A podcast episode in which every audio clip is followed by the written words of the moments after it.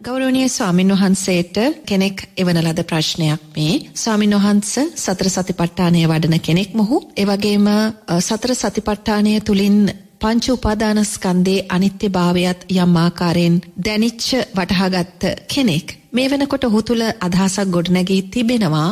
ඔහු සතර අපායෙන් මිදුණු කෙනෙක් බවට. ආර්ය මාර්ගයට පිවිසිලා සෝවාන් තත්වයට පත්වුණු කෙනෙක් හැටියට ඔහු ඔහුව විශ්වාස කරනවා. මෙන්න මේ කාරණයයි ස්වාමීන් වහන්ස ඔහුට පැහැදිලි කරගන්න අවශ්‍ය වෙලා තියෙන්නේ. අවසරයි තෙරුවන් සරණයි ස්වාමීන් වහන්ස. ඔබතුමිය යොමුකරපු ප්‍රශ්නයෙන් ප්‍රශ්න කරලා තියෙන්නේ තමන් සතර සරිපට්ඨාන ධර්මයන් වඩනවා පුළුවන් විදිහට පංච උපාදානස්කන්ධයේ අනිත්‍යභාවයක් දකිනවා තමන්ට තේරෙනවා රූපය අනිත්‍යයි කියලා තමන්ට තේරෙනවා මේ වේදනා සංඥා සංකාරයෝ අනිත්‍යයි කියලා ඒ නිසා ස්වාමින් වහන්ස මේ පංචුපාදානස්කන්දය අනිත්‍යයි කියන කාරණය දකින නිසා ස්වාමින් වහන්ස මම සෝවාන් පලයට පත්වෙලාද කියලයි මහත්තයා ප්‍රශ්නයොමු කරන්නේ. ඔබ සෝවාන් පලයට පත්වනාද නැද්ද කියන කාරණය කියන්න මම දන්නේ නැහැ. කෙනෙක්ගේ ආශ්‍රවයන් ශ්‍රයවන ආශ්‍රවයන් දුරුවීමේ දැකීමේ ඥානය තියෙන ලෝතුරා බුදුරජාණන් වහන්සේ නමකට පමණයි. අපිට එමනි ඥානයන් නැහැ. ඒ නිසා ඔබ සෝවාන් පලයට පත්වෙලාද කියන්න නොවනාද කියන්න මම දන්නේ නැහැ. නමුත් එක කාරණයක් අපි තේරුම් ගන්න ඕනි. අපේ සමාජයේ අප්‍රමාණ පිරිස් සතර සරිපට්ඨාන ධර්මයන් වඩනවා. රූපය අනිත්‍යයි කියල දකිනවා. වේදනානු පස්සනාව චිත්තානු පස්සනාව දම්මානු පස්සනාව තුළත් ජීවත්වෙනවා. ජීවත් වනත් අපි නිරේතුරුවම මේ කායානු පස්සනාවේ ආස්වාදයට බැඳෙනවා. මේ වේදනානු පස්සනාවේ චිත්තානු පස්සනාවේ දම්මානු පස්සනාවේ ආස්වාදයට බැඳෙනවා. දැන් සමහරු ඉන්නවා අපි පින්ඩ පාත මඩුවකදී මෛත්‍රී භාවනාව දෙද්දි පංචුපාදානස්කන්දය අනිත්‍ය භාවට අදාළ භාවනාවක් දෙද්දී එයා දවසක් දෙකක් තුනක් උදේට ඇවිල්ලා පැෑභාගයක් පමණ අපිස් සමඟ භාවනා කරනවා. දෙවනි දවස නැත්තන් තුන්ගනි දවස මට ඇවිල්ල කියනවා ස්වාමීන් වහන්ස මම ධර්මය දැක්ක කියලා. මට මතකයි එහෙම කියපු කාන්තා පක්ෂේ කීප දෙනෙක්ම හිටිය පසුගේ කාලි. ඒ වෙලාවේ කියන්නේ අනේ මෑනියෝ කරුණා කරලා ඔය සකස් වෙන්න වූ හිත අනිත්තැයි කියල දකින්න. ඔය හිත චිත්තානු පස්සනාවෙන් පිරිසිදු කරගන්න මම ධර්මය දැක්කා කියන හිතනං නිත්‍ය වශයෙන් ගන්න එපා. එනිසා නිරය තුරුවම අපි තේරුම් ගන්න ඕනේ සතර සරිපට්ඨාන ධර්මයන් වඩද්දි පංචුපාදානස්කන්දය අනිත්‍යභාවය වඩද්දි අපි මේ ධර්මතාවයන්ගේ ආස්වාදයට කොටුවෙන්න පුළුවන්. ඒ නිසා අපි ඇස අනිත්‍යයි කියල දකිද්දි රූපය අනිත්‍යයි කියල දකිද්දිී ඇස නිසා සකස් වෙන්න වූ පස්ස වේදනා සංඥා සංකාර විඤ්ඥානයෝ අනිත්‍යයි කළ දකිද්දී අපි ලබන්නේ අවබෝධයක් නෙමේ. අපි ලබන්නේ දැනුමක් ඒක හොඳින් තේරුම් ගන්න ඕන. දැනුමයි අවබෝධයයි අතර වෙනස පරතරය ආසයි පොළොවයි වගේ පරතරයක් තියනවා. ඒ නිසා අපි ලබන දැනුම ඔබ දක්ෂවියයුතුයි අවබෝධයක් බවට පත් කරගන්න. එක හොඳින් තේරුම් ගන්න. මොකද වර්තමානයේ හුඟාක් භාවනා කරන පින්වතුල්ලා දැනුම අවබෝධයක් කියලා රැවටීමට පත්වෙනවා. දැනුම මමේ කියලා ගන්නවා දැනුම මගේ කියලා ගන්නවා දැනුම මගේ ආත්මය කියලා ගන්නවා. ඒ දැනුම තුළ සෝවාන් පලේ තියෙනවා කියලා ගන්න ඒ සෝවාන් පලේ තුළ දැනුම තියෙනවායි කියලා දැනුම සක්කායිදිට්ටියෙන් ගන්න. දැනුම ආස්වාදයෙන් ගන්න. දැනුම ආස්වාදයෙන් අරගෙන දැනුම අවබෝධයක් යැයි කියලා රැවටෙනවා. එනිසා පිංහතුනේ නිරේතුරුවම දැනුම නිසා සකස් වෙන ආස්වාදයට බැඳෙන්න එපා. ඒ දැනුම නිසා සකස් වෙන්න වූ යම් ආස්වාදනීය සිතුවිල්ලක් තියෙනවනම්. ඇලෙන ගැටෙන සිතුවිල්ලක් තියෙනවනම් ඒ සිතුවිල්ල චිත්තානු පස්සනාවෙන් දකින්න. ඒ සිතුවිල්ල වේදනානු පස්සනාවෙන් දම්මානු පස්සනාවෙන් පිරිසිදු කරගන්න. ආස්වාදයට යන්න දෙන්න එපා.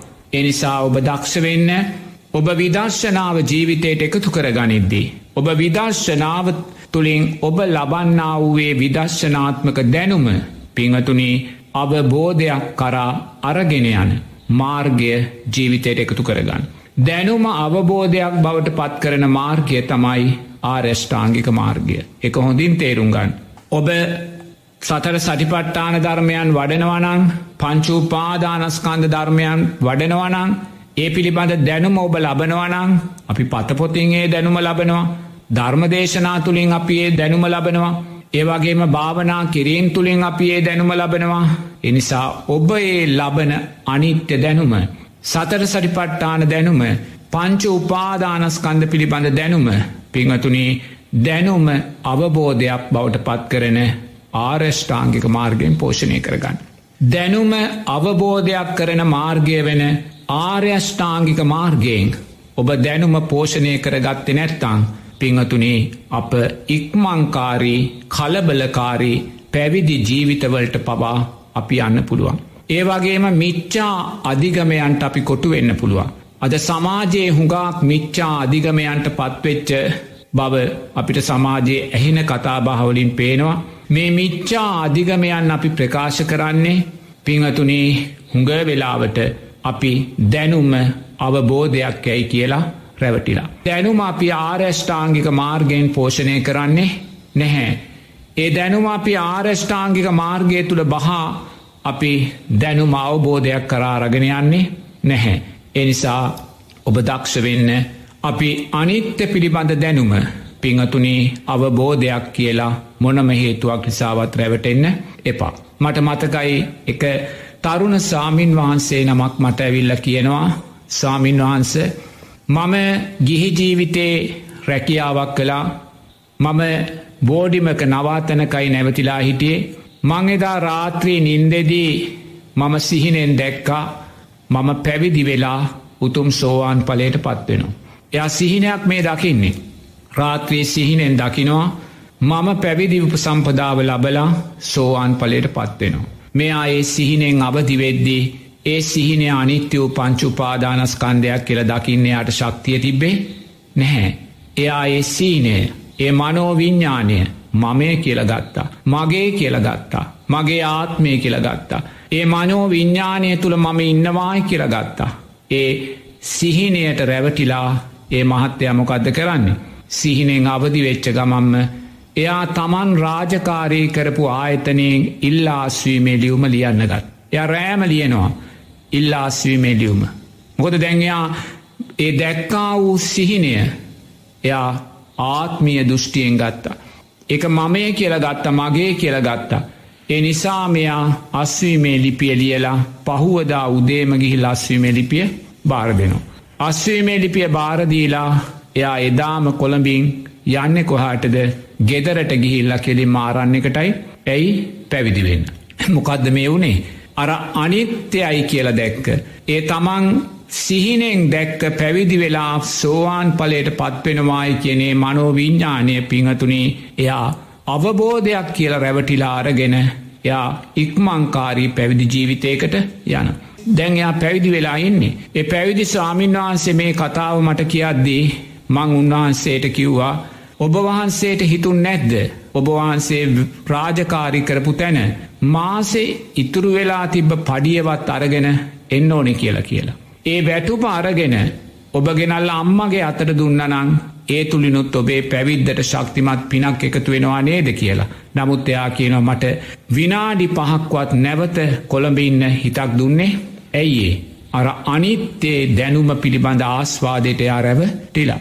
අර හීනෙන් දැක්ක පැවිදිභාවයට හීනෙන් දැක්ක සෝවාන් පලේටයා රැව ටිලා. පිංහතුනේ ඒ නිසාමේ හදිස්සිභාවයෙන් පැවිදි වෙනවා ඉක්මංකාරීව පැවිදි වෙනවා පැවිදි වෙලා දැනුම අවබෝධයක් යැයි කියා දැකළ පවිදි වෙලා පිංහතුනේ පැවිද්ද තුළ ගත කරද්දි තමයි අපිට තේරෙන්නේ අපි ලබලතින් අවබෝධයක් නෙමේ දැනුමක් පමණක්මයි කියලා. එනිසා උන්වහන්සේ දැන් කළ යුත්තේ තමන්නේ ලැබවා වූ දැනුම ආර්යෂ්ඨාංගික මාර්ගය තුළ උජුපටි පන්න ගුණේ තුළ තව තව ශක්තිමත් කරගෙන ඒ තුළ ඥාය පටිපන්න ගුණය ඇති කරන්න.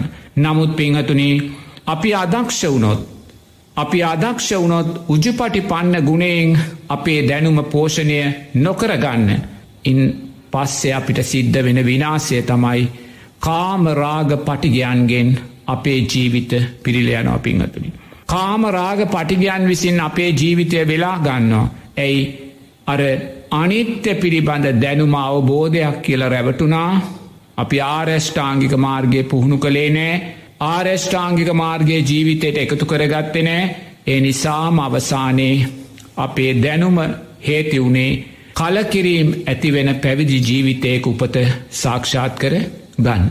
එනිසා පිංවතුල්ලා දක්ෂ වෙන්න නිරේතුරුවම මේ අනිත්‍ය පිළිබඳ දැනුම අවබෝධයක් කියලා නොරැවට එන්න ඔබ සිහිකල්පනාව ඇති කරගන්න ඕනේ. අනිත්‍ය පිළිබඳ දැනුම සකස් වෙන සෑම මොහොතකම ඒ දැනුමේ ආස්වාදයට නොයා. ඒ ආස්වාදය වේදනානු පස්සනාවෙන් අනිත්‍ය වශයෙන් දකිමින් චිත්තානු පස්සනාවෙන් දම්මානු පස්සනාවෙන් අනිත්‍ය වශයෙන් දකිමින් ඔබ අනිත්‍ය පිළිබඳ ලබන්නා වූ දැනුම පිංහතුනී දැනුම අවබෝධයක් බවට පත්කොට දෙන ආර්යෂ්ඨාංගික මාර්ගය තුළ පෝෂණය කරලා. ඔබ ලබන්නා වූ දැනුම සැබැහැම අවබෝධයක් බවට පත් කරගන්න දක්ෂ වෙන්නේ කියන කාරණය බොහෝම මෙස්සිතිං පිංවතුන්ලාට මතක් කරනවා. ස්වාමින් වහන්ස මේ ගැටලුවෙන් විමසන්නේ රහතන් වහන්සේලා වැඩසිටි යුගේදීත් බොහෝ ශ්‍රාවක ශ්‍රාවිකාවන් ආමිස පූජාවන් සිද්ධ කරනු ලැබවා. මල් පහන් පූජ කිරීම බෝධීන් වහන්සේලා ප්‍රදක්ෂනා කිරීම වන්දනා කිරීම මෙයාදී පුුණ්්‍ය ක්‍රියාවන් බොහෝසයින් සිද්ධ කළා. මෙය එකල වැඩසිටි රහතන් වහන්සේලාට පීඩාකාරී ක්‍රියාවක් ලෙස හැඟුණාද කියන ප්‍රශ්නය තමයි ස්වාමීන් වහන්සේ එක ගැටලුකාරී තත්ත්වයක් ඇතිකරාද කියන කාරණය තමයි ස්වාමීන් වහන්ස ප්‍රශ්නයක් හැටියට විමසන්නේ. අවසරයි. ඔබතුමිය මේ ප්‍රශ්නයක් යොමු කළේ අතීතයේ රහතන් වහන්සේලා වැඩසිටි කාලවලදි ගිහිපිංවතුල්ලා. නිරෑතුරුවම බුදුරජාණන් වහන්සේ මුල් කරගෙන මහා සංගරත්නය මුල් කරගෙන ඒ වගේම පන්සල් විහාරස්ථාන මුල් කරගෙන පින්කම් සිද්ධ කරන ආමිසේට අදාළ වූ පින්කම්. එතෝට ඒ ප්‍රශ්නය යොමු කරන්නේ ඒ රහතන් වහන්සේලා වැඩසිටි කාලේ ගිහි පින්වතුල්ලා විසින් එවැනි ආමිස පූජාවන් සිද්ධ කරද්දී ඒ රහතන් වහන්සේලාට වෙහෙසද්ද කියන කාරණයයි. පිංහතුනී අපි කවදාහරි දවසක උතුම් රහත් පලයට පත්වනත් අපි ඒ රහත් පලයට පත්වෙන්න නං පැමිණිය යුතු මාර්ගයක් තියෙනවා. ඒ මාර්ගය අපි පටන්ගන්න කල්්‍යයාන මිත්‍ර ආස්ත්‍රේ. එතොට අපේ කල්්‍යයාන මිත්‍රයා කවුද ලෝතුරා බුදුරජාණන් වහන්සේ කියන කල්්‍යයාන මිත්‍ර ඇසුරෙන් තමයි රහතන් වහන්සේත් මාර්ගය පටන්ගත්තේ. එනිසා උන්වහන්සේලා වර්තමානයේ රහතන් වහන්සේලා බව ඇත්ත නමුත් උන්වහන්සේලා දන්නවා අපි වර්තමානයේ රහතන් වහන්සේලා හැටියට උතුම් චතුරාර් සත්‍ය අවබෝධ කළත් අපි මේ මාර්ගය පටන්ගත්තේ කල්්‍යයාන මිත්‍ර ආස්ත්‍රේ. සද්ධර්ම ශ්‍රවනේ ශ්‍රවනය කලා වූ සද්ධර්මය නුවනි මෙනෙහි කරලා. ඒ තුළින් අපි මුලින්ම ගමන් කළේ ලෞකික ආරෙෂ්ඨාංගික මාර්ගය. අපිත් පන්සල් ගියා අපිත් ආරන්නට ගියා අපිත් දන් දුන්නා. අපි සිල් සමාදන් වුණ අපිත් බෝධි පූජා කළ අපිත් පින්කම් කළා. අපිත් බුදුරජාණන් වහන්සේට ආමිසයෙන් පූජා.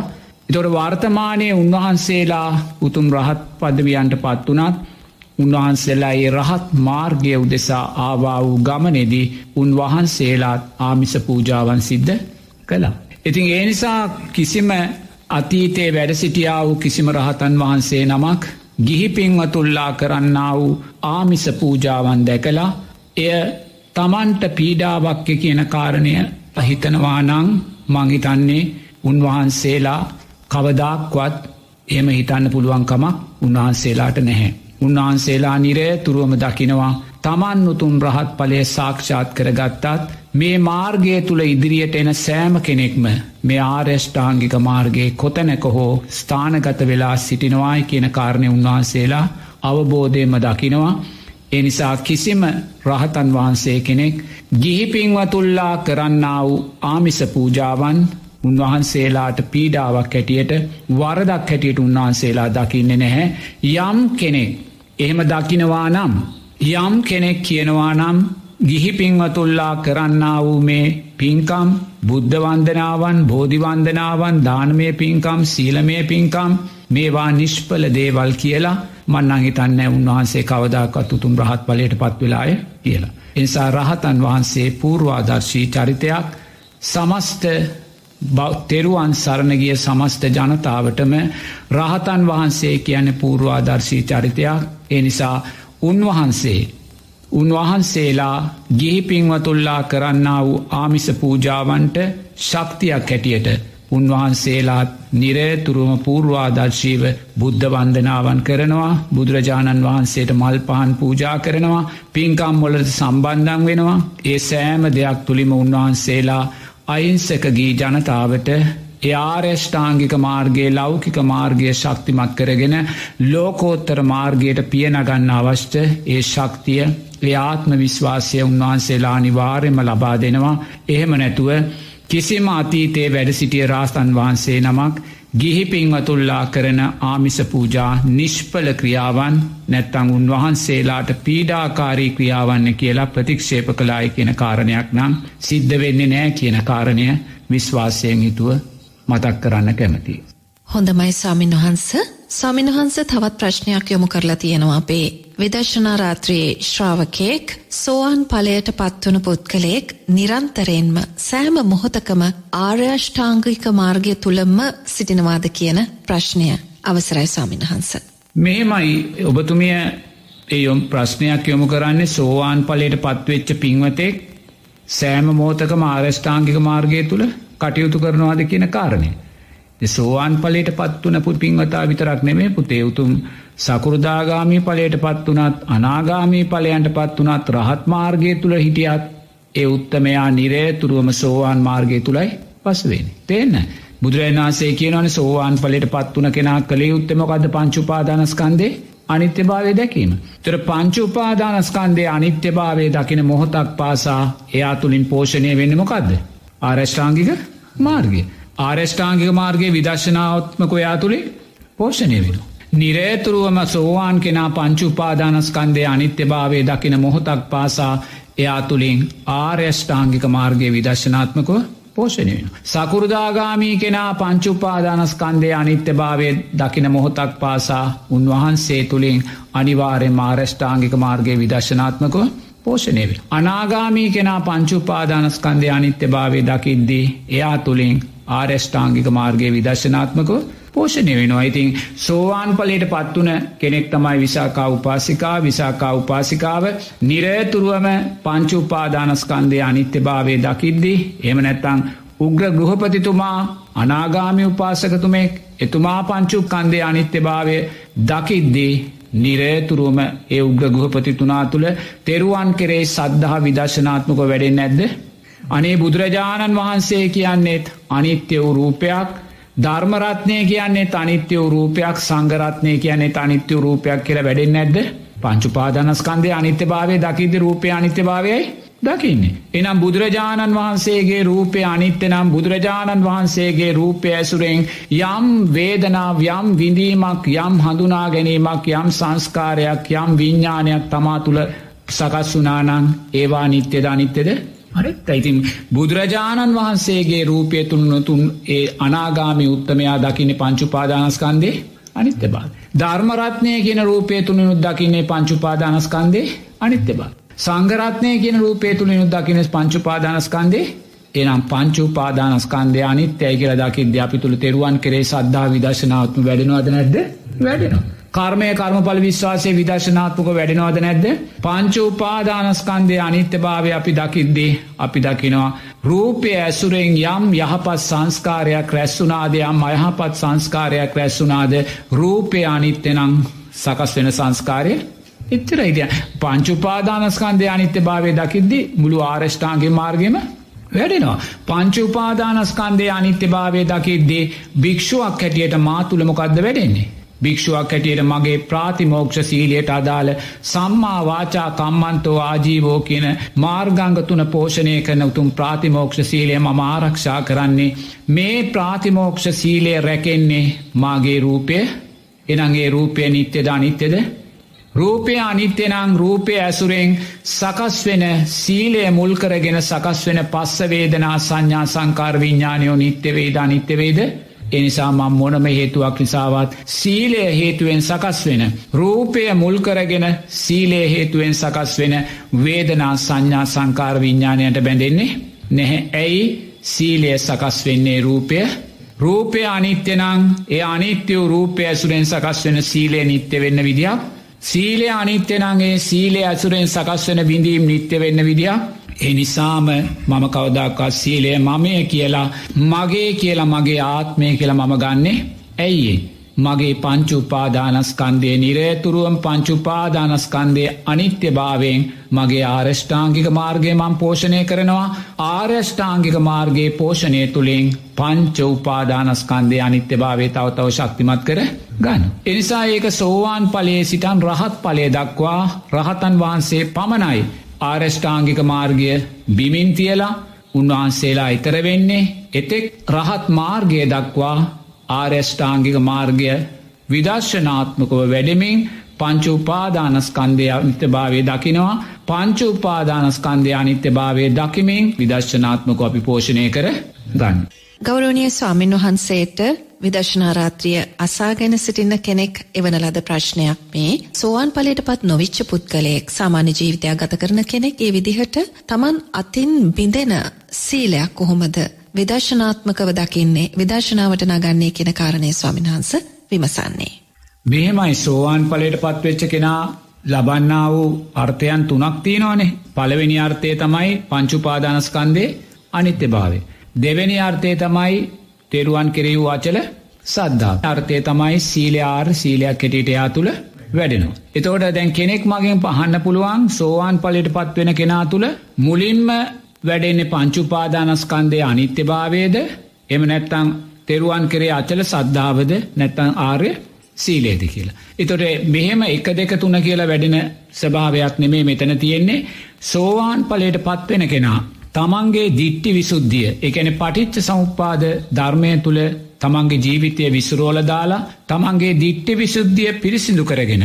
උතුම් සෝවාන් පලට පත්වෙන මොහොතේම එතුමා තුළ පංචුපාදානස්කන්දය අනිත්‍ය භාවය වැඩෙනවා ඒ වැඩෙද්දිම තෙරුවන් කරේ අචල සද්ධාවත් ආරසීලයත් සකස් වුණ. එම තමයි සකස්වෙන් මුලින් මෙයා දකින පංචුපාදානස්කන්දේ අනිත්‍ය පංචුපාදානස්කන්දේ අනිත්‍ය භාවය දකිද්දිම තෙරුවන් කරේ අචල සද්ධාවත් සීලේ ආරසීලයකත් හැටියටත් උන්වහන්සේ තුළ වැඩන. දැන් එතනදී ඔබතුමිය මගෙන් ප්‍රශ්නයක් ඇහුවේ මේ ආරය සීලය කෙසේද මතු කරගන්න කියන කාරණය. දැන් අපි මේ සම්මා සම්බුද්ධ ශාසනය අසිති සිධානය පූජා කළේ මල්ලිකා බිසවනේ නමුත් එතුමිය සෝවාන් පලට පත්වනේ නැහැ එතුමිය සමහර විට සද්ධානුසාරී තැනඉන්න ඇති.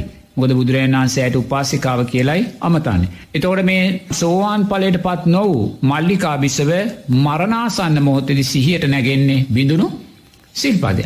නමුත් බිඳුණු සිල්පදේ සිහියට නැගෙද්දේ ඒ බිඳුණු සිල්පදයට ගැටිලා එයා කෙටිකාලෙකට සතරපායකට වැටෙනවා. නමුත් ඒ මල්ලිකාබිසව යම්හයකින් උතුම් සෝවාන් පලය අවබෝධ කරලා හිටියා නං එකැන පංචුපාදානස්කන්දය අනිත්‍ය භාවය දැකලා ඉන්නේ. ඒ පංචුපාදානස්කන්දය අනිත්‍ය භාවය දැකලා හිටියනං මරණාසන්න මොහොතේ ඇයට සිහියට එන බිඳුණු සිල්පදය එකනේ සිල්පදේ ඇයට සිහියට එන පංචුපාදානස්කන්දයක් හැටියට ඒ පංචුපාදානස්කන්දයක් හැටියට යාට මතකෙනෙන සිල්පදය ඒ මොහොතේ මේ අනිත්‍යයි කියලා දකිනවා. ඒ මොහොතේම අනිත්‍යයි කියලා අනිත්‍යයි කියලා දැක්කනං ඒ බිඳුණු සිල්පදය නිසා කවදාක්වත් ඇය සතරපායට වැටෙන්නේ ඒක වෙන්නේ යා සෝවාන් පලිට පත්වෙලා හිටියන. එයා සෝවාන් පලට පත්වෙලා හිටියනෑ නිසා පංචුපාදානස්කන්දය අනිත්‍යයි කළයා දැක්කෙනෑ බිඳුණු සිල්පදයට ගැටුණ. එයා සෝවාන් පලට පත්වෙලා හිටියනං එයා දක්කිනවා රකින සිල්පදයක් බිඳෙන සිල්පදයක් රැකෙන්නෙත් බිඳෙන්නෙත් රූපය ඇසුරු රූපයෙන් තොරෝ සිල්පදයක් රැකෙන්න්න විදිහක් නෑන රූපයෙන් තොරෝ සිල්පදයක් බිඳෙන්න්න විදිහකුත් එනම් බිඳෙන සිල්පදයක් රැකෙන සිල්පදයක් දෙකම සිද්ධ වෙන්නේ රූපය ඇසුරෙන් රූපය අනිත්‍යනං බිඳෙන සිල්පදයක් රැකෙන සිල්පදයක් තුළින් රැස්සන සංස්කාර නිත්‍ය වෙන්න බැහැ. මොකොද රූපය අනිත්‍ය. රූපය ඇසුරෙන් සකස් වෙන පස්සය අනිත්‍ය පස්සේ ඇසුරෙන් සකස් වෙන විඳීම අනිත්‍ය හඳුනා ගැනීම් සංස්කාර සංවිඤ්ඥානයෝ සියල්ල ඒමනං එතුමිය අවබෝධ ඥානයම දකිනවා සෝවාන් පලට පත් වනා නං රූපය ඇසුරෙන් සකස් වෙන මේ මතුවන මේ බිදුණු සිල්පදය අනිත්‍ය වූ පංචුපාදානස් ඇයි ඒක් බිදුණු සිල්පදයට බැඳෙන්නේ? නෑ ගැටෙන්නේ. ඒ නිසාමය ආර්සීලය තුළ ශක්තිමත් වෙලා තමයි ඊළඟ පටිච්ච සමුපන්න ජීවිතයට යන්නේ. ඉන් මෙහා අපි දැන් අංගුලිමාල මනුසගාතන නමසය අනු නමයක් කරනවානේ. නේද? අම්බපාලි ප්‍රධාන ගනිකාවක්නේ නමුත් ඒගොල්ල කොහොමද උතුම් චතුරාර් සත්‍ය අවබෝධ කරන්න. බල සෝවාන් පලනෙම උතුම් චතුරාර් සත්‍ය අවබෝධ කරන්න ඒ චතුරාර් සත්‍ය අවබෝධ කරන්නේ බිදුුණු සිල්පද සතර සටිපට්ටානය තුළ විසිරෝණු. උන්වහන්සේලා නුවනින් දකිනවා මේ සිල් පද බිඳුනේ රූපය ඇසුරු කරන.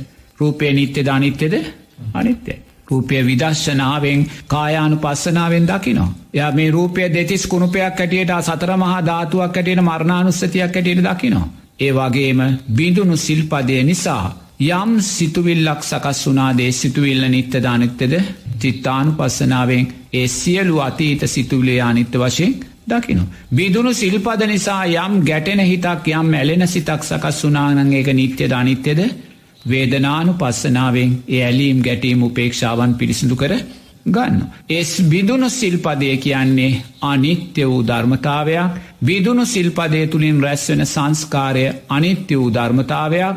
ඒ නිසාම ඒ සියලු ධර්මතාවයන්නේ අදම්මානු පස්සනාවෙන් පිරිසිදු කර. එතුට එතනද එයාට බැඳෙන තැන නැහැ. බිදුණු සිල්පදයට රකින සිල්පදයට යට බැඳෙන තැන නැහැ. මොක දේ සියලු ධර්මතාවය අනිත්‍යයි කියලයා එනිසා එතනදී අපි කවදක්වත් බිදුණු සිල්පදයක් නිසා සතරපායට වැටීමක් එයා සීලීලයක් හැටියට විදර්ශනාත්මකව ශක්තිමත් කරගෙන තමයි ඊළඟ පටිච්චජම උපන්න ජීවිතයට පියනගන්න. ඉති එනිසා මේ පංචුපාදානස්කන්දය අනිත්‍ය භාවය දැක්ක තැන අපි බුදුරජාණන් වහන්සේගේ රූපය මමය මගේ මගේ ආත්මය කළ දකින්නේ නෑමොක දෙයා දිට්ටි විසුද්ධියෙන් සක්කායි දිට්ටිය සිදලතියන්නේ මත්වේ දැඩිභාවය සිදලතියන්නේ එය අධ්‍යාත්මික පංචුපාදානස්කන්දය අනිත්‍යයි කියල දකිනවා වගේම බාහිර පංචුපාදානස්කන්දය අනිත්‍යයි කියලා දකිනවා. එතොට එයාට බාහිර පංචුපාදානස්කන්දයක් කෙටිට තමයි බුදුරජාණන් වහන්සේ අරමුණුවෙන්. ධර්මරත්නය මේ බුදුරජන් වහන්සේ වරමුණ වෙන සංගරත්නය අරමුණුවෙන්. එනිසා නිරය තුරුව මේ අනිත්‍ය වූ පංචුපාදානස්කන්දයක් ඇසුරෙන් සකස් වෙන කිසිම ධර්මතාවයකට ඒගොල බැඳෙන්නේ නැහැ. අධ්‍යාත්මික පංචුපාදානස්කන්දයක් තමන්ට අරමුණ වෙන බාහිර පංචුපාදානස්කන්දයක් කෙන කාරණා දෙකම උන්වහන්සේලා අනිත්‍යයේ හැටියට තමයි දකින්න. තේන ඉති එහෙම ඒම දකින්නේ ඇයි? නිරේතුරුවම උන්වහන්සේලාගේ දික්ට විසුද්ධිය උන්වහන්සේලා පිරිසිදු කරගෙනයි. හිටිය චිත්ත විසුද්ධිය පිරිසිදු කරගෙනයි. හිටිය සීල විසුද්ධිය පිරිසිදු කරගෙනයි. හිටියේ නිසාම ලෞකික ප්‍රඥාව ශක්තිමත් ආකාරයෙන් වැඩිලයි.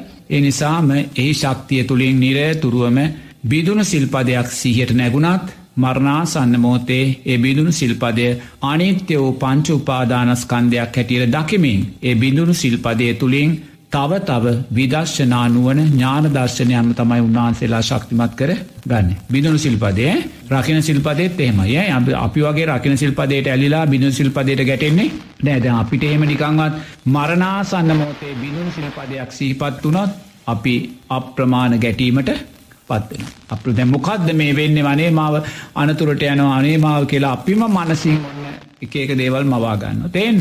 අපි ස්පෙක්කො ප්‍රේත ලෝකයක් මවරන මේක සිරිසන් ලෝකයක් සියට මාව සිරිසන් ලෝකට වැටේද මාව ප්‍රේත ලෝකෙකට වැටේද? නමුත් බිඳුණු සිල්පදය අනිත්‍යයි කියලා දකින සීකල්පනාවක් නැහැ. අයේ අපි පුහුණු කළේ නැහැ. එනිසා අපි දක්ෂ වෙන්න නිට තුරුවම. පුළුවන් තරන් සිල්පද ආරක්ෂා කරන්න. පුළුවන් තරන් සිල්පද ආරක්ෂා කරමින් තමයි බිදුණු සිල්පද අපි විදශනා නුවරින් දකින්න. එමනැතුව සිල්පද බිඳබිද බිදුණු සිල්පද විදශනාවෙන් දකිනවා කියෙන කාරණය ධර්මයට අදාල නැහැ. හෙමකොලොත් අපිට කවදක සම්මා සතියක් ඇතිවෙන්නේ නැහැ ඒන සම්මා සමාධයක් ඇතිවෙන්නේ එනති විදර්ශනා ප්‍රඥාවක් ගැන කතා කරල වැඩ නැහැ. එනිසා අපි දක්ෂ වෙන්න ඕනේ ජීවිත පරිත්‍යයාගෙන් අපේ සීලය ආරක්ෂා කරමින්. කොහේ හෝ අතීතයේ බිදුණු සිල්පද තියෙනවනම් ඒ සෑම සිල්පදයක්ම අනිත්‍ය වූ සංස්කාර හැටියට දකිමින් පුහුණුවෙන්න ඒ පුහුණුව අපිට අපේ සීලය ආර සීලයක් හැටියට පත් කරගන්නවා වගේම. අපි සෝවාන් පලට පත් නොවී මැරුණොත්. මරණාසන්න මොහොතේ හරි අපිට සුගතිය මතු කරගන්නත් විදර්ශනානුවන මතු කරගන්න අපිට අනිච්ච සංඥාහුගක් ශක්තිමත් භාවයට පත්වෙනවා. හොඳමයි සාමීන් වහන්ස බොහෝම පින් අපි එමනම් ඊළඟ ප්‍රශ්නය විදර්ශනා රාත්‍රියයට ඔබ යොමු කරපු ඊළඟ ප්‍රශ්නය ස්වාමීන් වහන්සේට ඉදිරිපත් කරමු. ගෞරවනීය ස්වාමීන් වහන්ස මේ ප්‍රශ්නයෙන් පැහැදිලි කරගන්නට උත්සාහ කරන්නේ සීලයද වඩා වැදගත් සිහියද කියන කාරණය අපේ ස්වාමීන් වහන්ස. විශේෂයෙන්ම සන්තති ඇමතිවරයාගේ සිද්ධිය මූලික කරගෙන තමයි මේ ප්‍රශ්නය ගොඩනගලා තියෙන්නේ.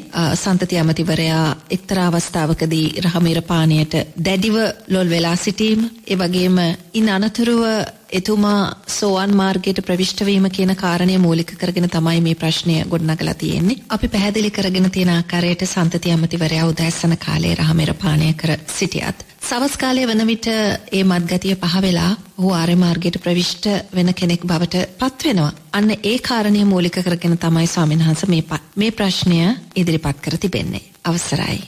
මෙහෙමයි නෝනා ඔබතුමිය ඔය ප්‍රශ්න කරන්නේ සන්තිස ඇමතිවරයා ඊය දවසේ හොඳටම මත්වතුර පාලනය කරලා හිටියේ.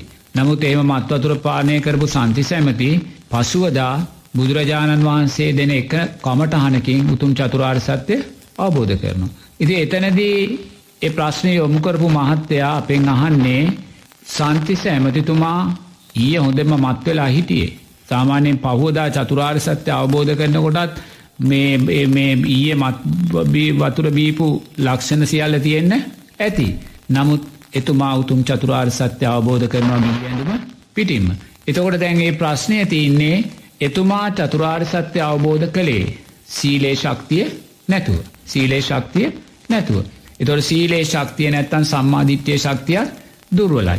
ඒනං එතුමා චතුරාර් සත්‍ය අවබෝධ කළේ ඒ බීල හිටියත් සතිය කියන කාරණය මුල් කරගෙනයි කියලා. තේෙන් අදතින් ඒ ධර්මතාවය නං කොහෙත්ම ධර්මයට එකඟ නැහැ. ඒක හොඳට තේරුම් ගන්නවා.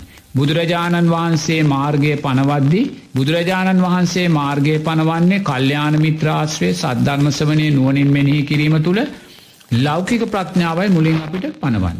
එනිසා අපි කවදක්වත් ලෞකික ප්‍රඥාව බැහැර කරලා ඒ වගේම සීලයත් බැහැර කරලා සතියෙන් පමණක් උතුම් චතුරාර් සත්‍යයක් අවබෝධ කරනවා කියන කාරණය ලෝකයේ සිද්ධ නොවෙන දෙයක්. නමුත් සන්තිස ඇමතිවරයාගේ කාරණය වෙනම ධර්මතාවයක්. බුදුරන් වහන්සේ ඒකට වෙනම අපිට දේශනා කළ දිනවා බුද්ධ විෂය ගැන හිතන්න යන්න එපා.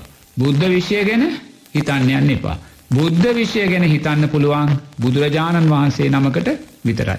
එතකොට සන්තිස ඇමතිතුමා අර හොදටම මත්වතුර බීලා ඇතා පිටිං යනකොට බුදුරජාණන් වහන්සේ තේ පාරය අනිත් පැත්තෙන් වඩිනවා අවමෝචෙන් සන්ති සැමති බිමට බැස්සවත් නැහැ. එමත් ගතියෙන්ම බුදුරජාන් වහන්සේටත් ගරු නොකර තමයි ගිය. නමුත් බුදුරජාණන් වහන්සේටත් ගරු නොකරයක්දී.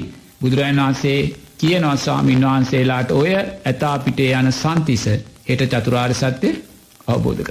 එතොට දැන් ස්වාමීන් වහන්සේලාට මේක ප්‍රශ්නයක් ස්වාමීන් වහන්සේලා ප්‍රශ්න කරන බුදුරජන් වහන්සේගේ. කොහොමද මේ මෙච්චර බීපු මනුස්සෙක්කට එවෙලාව කියනවා හෙට වෙනකං ඉවසන්න දැන් ඒ ගැන අහන්න එපා කියලා. ඒ ගැන මොකක්දේ. බුද්ධ විෂය ගැන ප්‍රශ්න කරන්න එපා.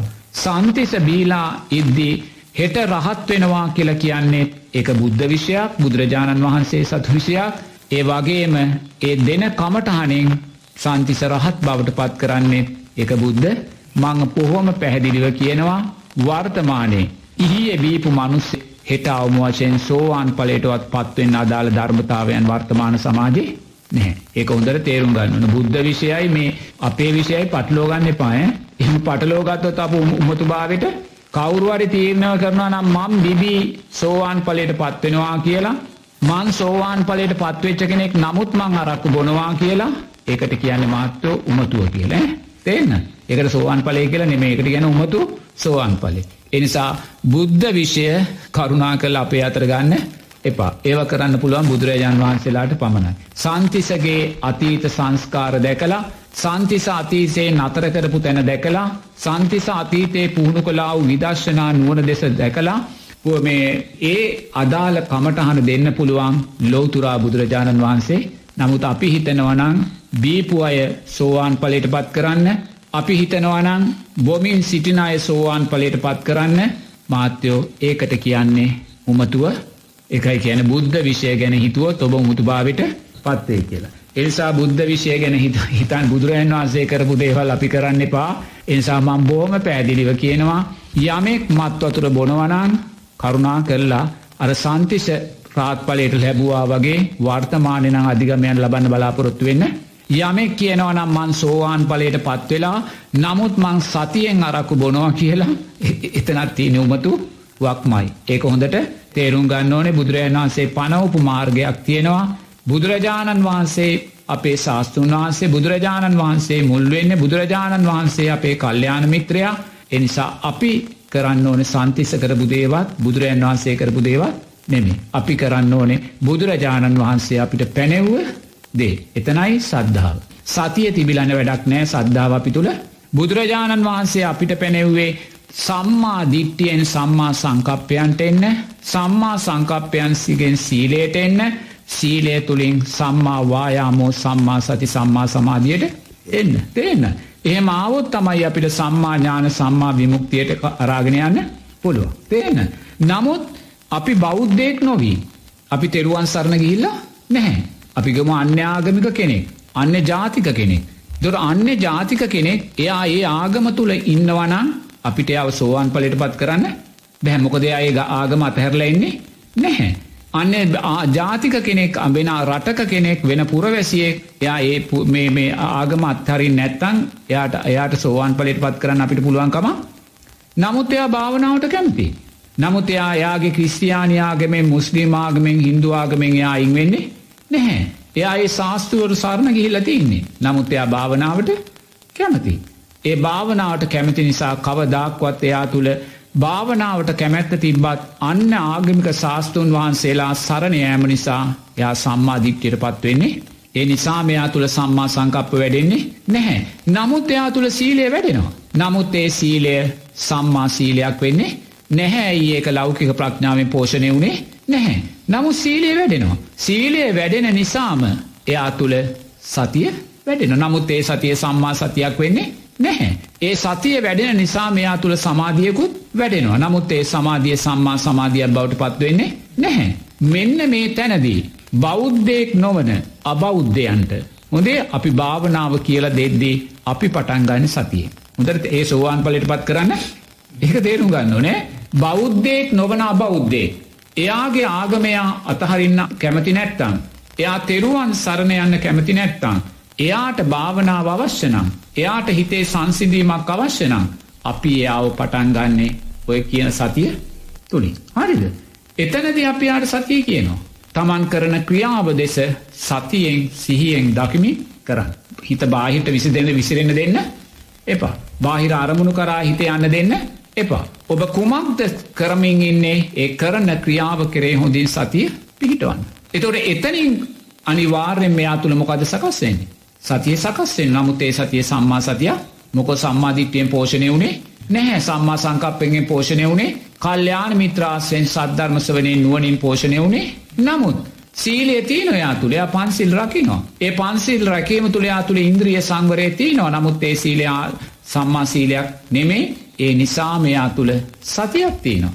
එයා සතිය තියනවා ඉන්ද්‍රිය සංවරය සීලය තුළින් සකස් කළ දෙන නිසා. එයා ඒ සතිය උපයෝගී කරගෙන හැම වෙලාම තමා කරන ක්‍රියාව නුවනින් දකිමින් කරනවා. බාහිර අරමුණුවලට එයා යන්න දෙන්නේ එයා වාඩි වෙලා ඉද්දි වාඩි වෙලා ඉන්නවා කියලා දකිමින් ඉන්නවා.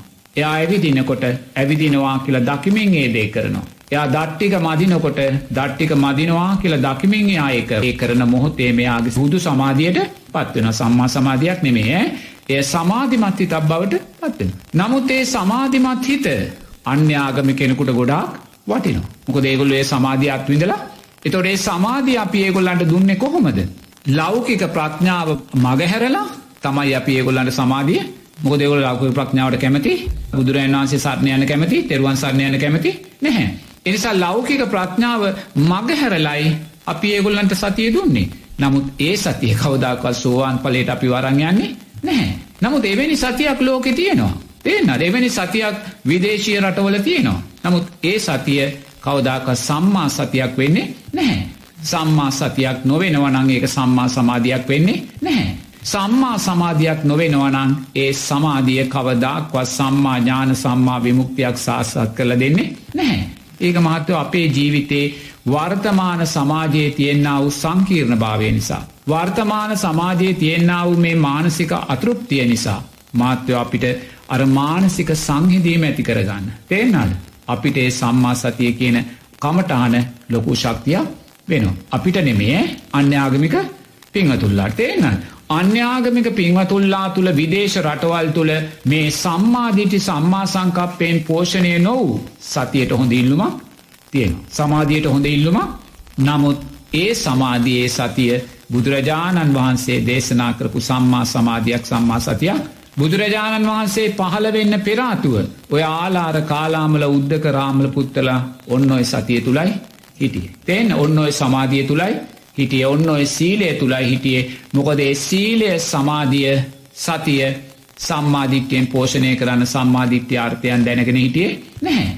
ඇයි දැනගෙන හිටිය නැත්තේ සම්මාධිත්‍යය පහළ වෙන්නේ ලෝතුරා බුදුරජාණන් වහන්සේ කෙනෙගේ පහළවීමත් ලෝතුරා බුදුරජාණන් වහන්සේ පහළ නොවූ ලෝකෙක සම්මාධිත්‍ය අතුරුදාං වෙලයි සම්මාධිත්‍ය ආර්ථයන් දන්න කෙනෙක් මේ ලෝකධාතුව තුළ නැහැ. ඒ නිසාම සමාජය තුළ සීලය තිබ්බා. සීලය නිසා සතියක් තිබ්බා. ඒ සතිය නිසාම මනුස්්‍යයාගේ හිත් සමාධිමත් වුණා. ඒ සමාධිය රූපාවචර අරූපාවචර දියාන කරාරගෙන ගියා. නමුත් ඒ කිසිම දෙයක් තුළ සම්මාධිති සම්මා සංකප්පයන් තිබේ නැහැ. එයයි දැනගෙන හිටිය නෑ සෝවාන් පලය සකරුදාගාමි අනාගාමි පලයන් පිළිබඳ ඒගොල දැනගෙන හිටියේ.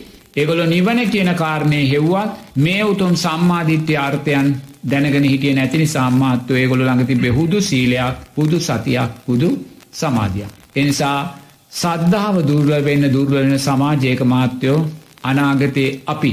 තේනාද දැන් බෞද්ධ ජනතාව සද්ධානුසාරී දම්මානුසාරී තැන්වලින් දුර්වල වෙන්න දුර්වල වෙන්න අපි පෘතක්ජන කියන තැන්ට වැටෙන්න්න වැටෙන්න්න මාත්‍යයෝ අපිත් අනාගතයේදී සම්මාධිත්‍ය අතහැරලා සම්මා සමාධී අතහැරලා ඒ නිසාම අපේ ජීවිත බලවත් අතෘප්තිමත් භාවයට පත් කරගෙන සංකීර්ණ භාවයට පත් කරගෙන කාම සුකල්ලි කානු ක්‍රමයට අපේ ජීවිත ගොඩනගාගෙන ඒ ඇතිවෙන්න වූ වෙහෙස නිවාගන්න මාත්‍යයෝ අපිත් අනාගතයේදී සම්මාධීති සම්මා සංකප්ප බැහැර කරනවා. මොකද අපි කර්මය කර්මඵල විශ්වාසයට කැමති නෑ. නැවත උපතක් ලැබෙනවා කියලා හිතන්න කැමති නෑ. ඕපපාතික සත්‍ය ප්‍රේතයෝ නිරිසතුන් ඉපදෙනවා කියලා හිතන්න කැමති නෑ. අම්මතාත්තගේ ගුණ ගැන හිතන්න කැමති නෑ. අවිහිසා සංකප්පය අව්‍යාපාද සංකප්පය නෙක්කම්මය ගැන හිතන්න කැමති නෑ. එනිසාපි ලෞකික ප්‍රඥාවයින් කරල මහත්තයෝ සද්ධාව දුර්වලවෙන සමාජය ඉදිරියේදී කැමති වෙන්නේ හුදු සීලයට හුදු සතියට හුදු සමාධියට. තේන්නන් එදාට අධිගමයෝ අතුරුදහන් වෙලා යා. පිංහතුන් අප්‍රමාණ සතුරට පත්වෙන්න සිරස ගුවන් ඉදිලි ඉදිරියේ වාඩි වෙලා මේ සුන්දර රාත්‍රියයේ විදර්ශනා රාත්‍රිය මේ සද්ධර්ම සාකච්ඡාව ශ්‍රවනය කරලා පිංහතුල්ලා අප්‍රමාණ සැනසිල්ලක් අත් කරගත්ත නිසා කල්පනා කරන්න මේ රැස් කරගත්තා වූ සෑම පිනක්ම පිංවතුල්ලාටත් පිංහතුල්ලාගේ පවුල්වල සිරු දෙනාටත් දැකබලා සතුටුනා වූ සිරු දෙනාට ගම්වාසී රටවාසී සිර් දෙනාටත් ඒවගේම ගෞරුවනය උත්තරීතර මහා නායක සාමීන් වහන්සේලා ඇතුළු සියලෝම වන්දනය මහා සංගරත්නයට මේ පින් නිදුක් නීරෝගේ සුවපත්භාවය දීර්ඝායුෂත් උතුම් චතුරාර් සද්ධර්මයෝ දැකීම අවබෝධයට මේ පින් උත්තම ශක්තියක් වේවා. ඒ වගේම කල්්‍යාන මිත්‍රභාවයෙන් උපකාරක ධර්මයන් සකස් කොරදුන් පින්වත් ශාලිකා රණසිංහ මහත්මියටත් ඒවගේම පින්වත් සාරධ මහත්මයාටත් ඒ සිරස ගුවන් විදිලි ප්‍රධානී ඒ සජිත්‍රාත්නායක මහත්මයා ඇතුළු කාර්යමණ්ඩලේ සියලූම දෙනාටත් මේ පින් නිදුක් නීරෝගී සුවපත්භාවය දීර්ඝායිශ උතුම් චතුරාර් සද්ධර්මයෝ දැකීම අවබෝධයටම මේ පින් උත්තම ශක්තියක් වේවා කියලා මේ සුන්දර රාත්‍රියේදී මේ විදර්ශනාත්මක සිත් වැඩෙන රාත්‍රියයේදී මෙස් සිතින් ආසිරිවාද කරනවා තෙරුවන් සරණයි.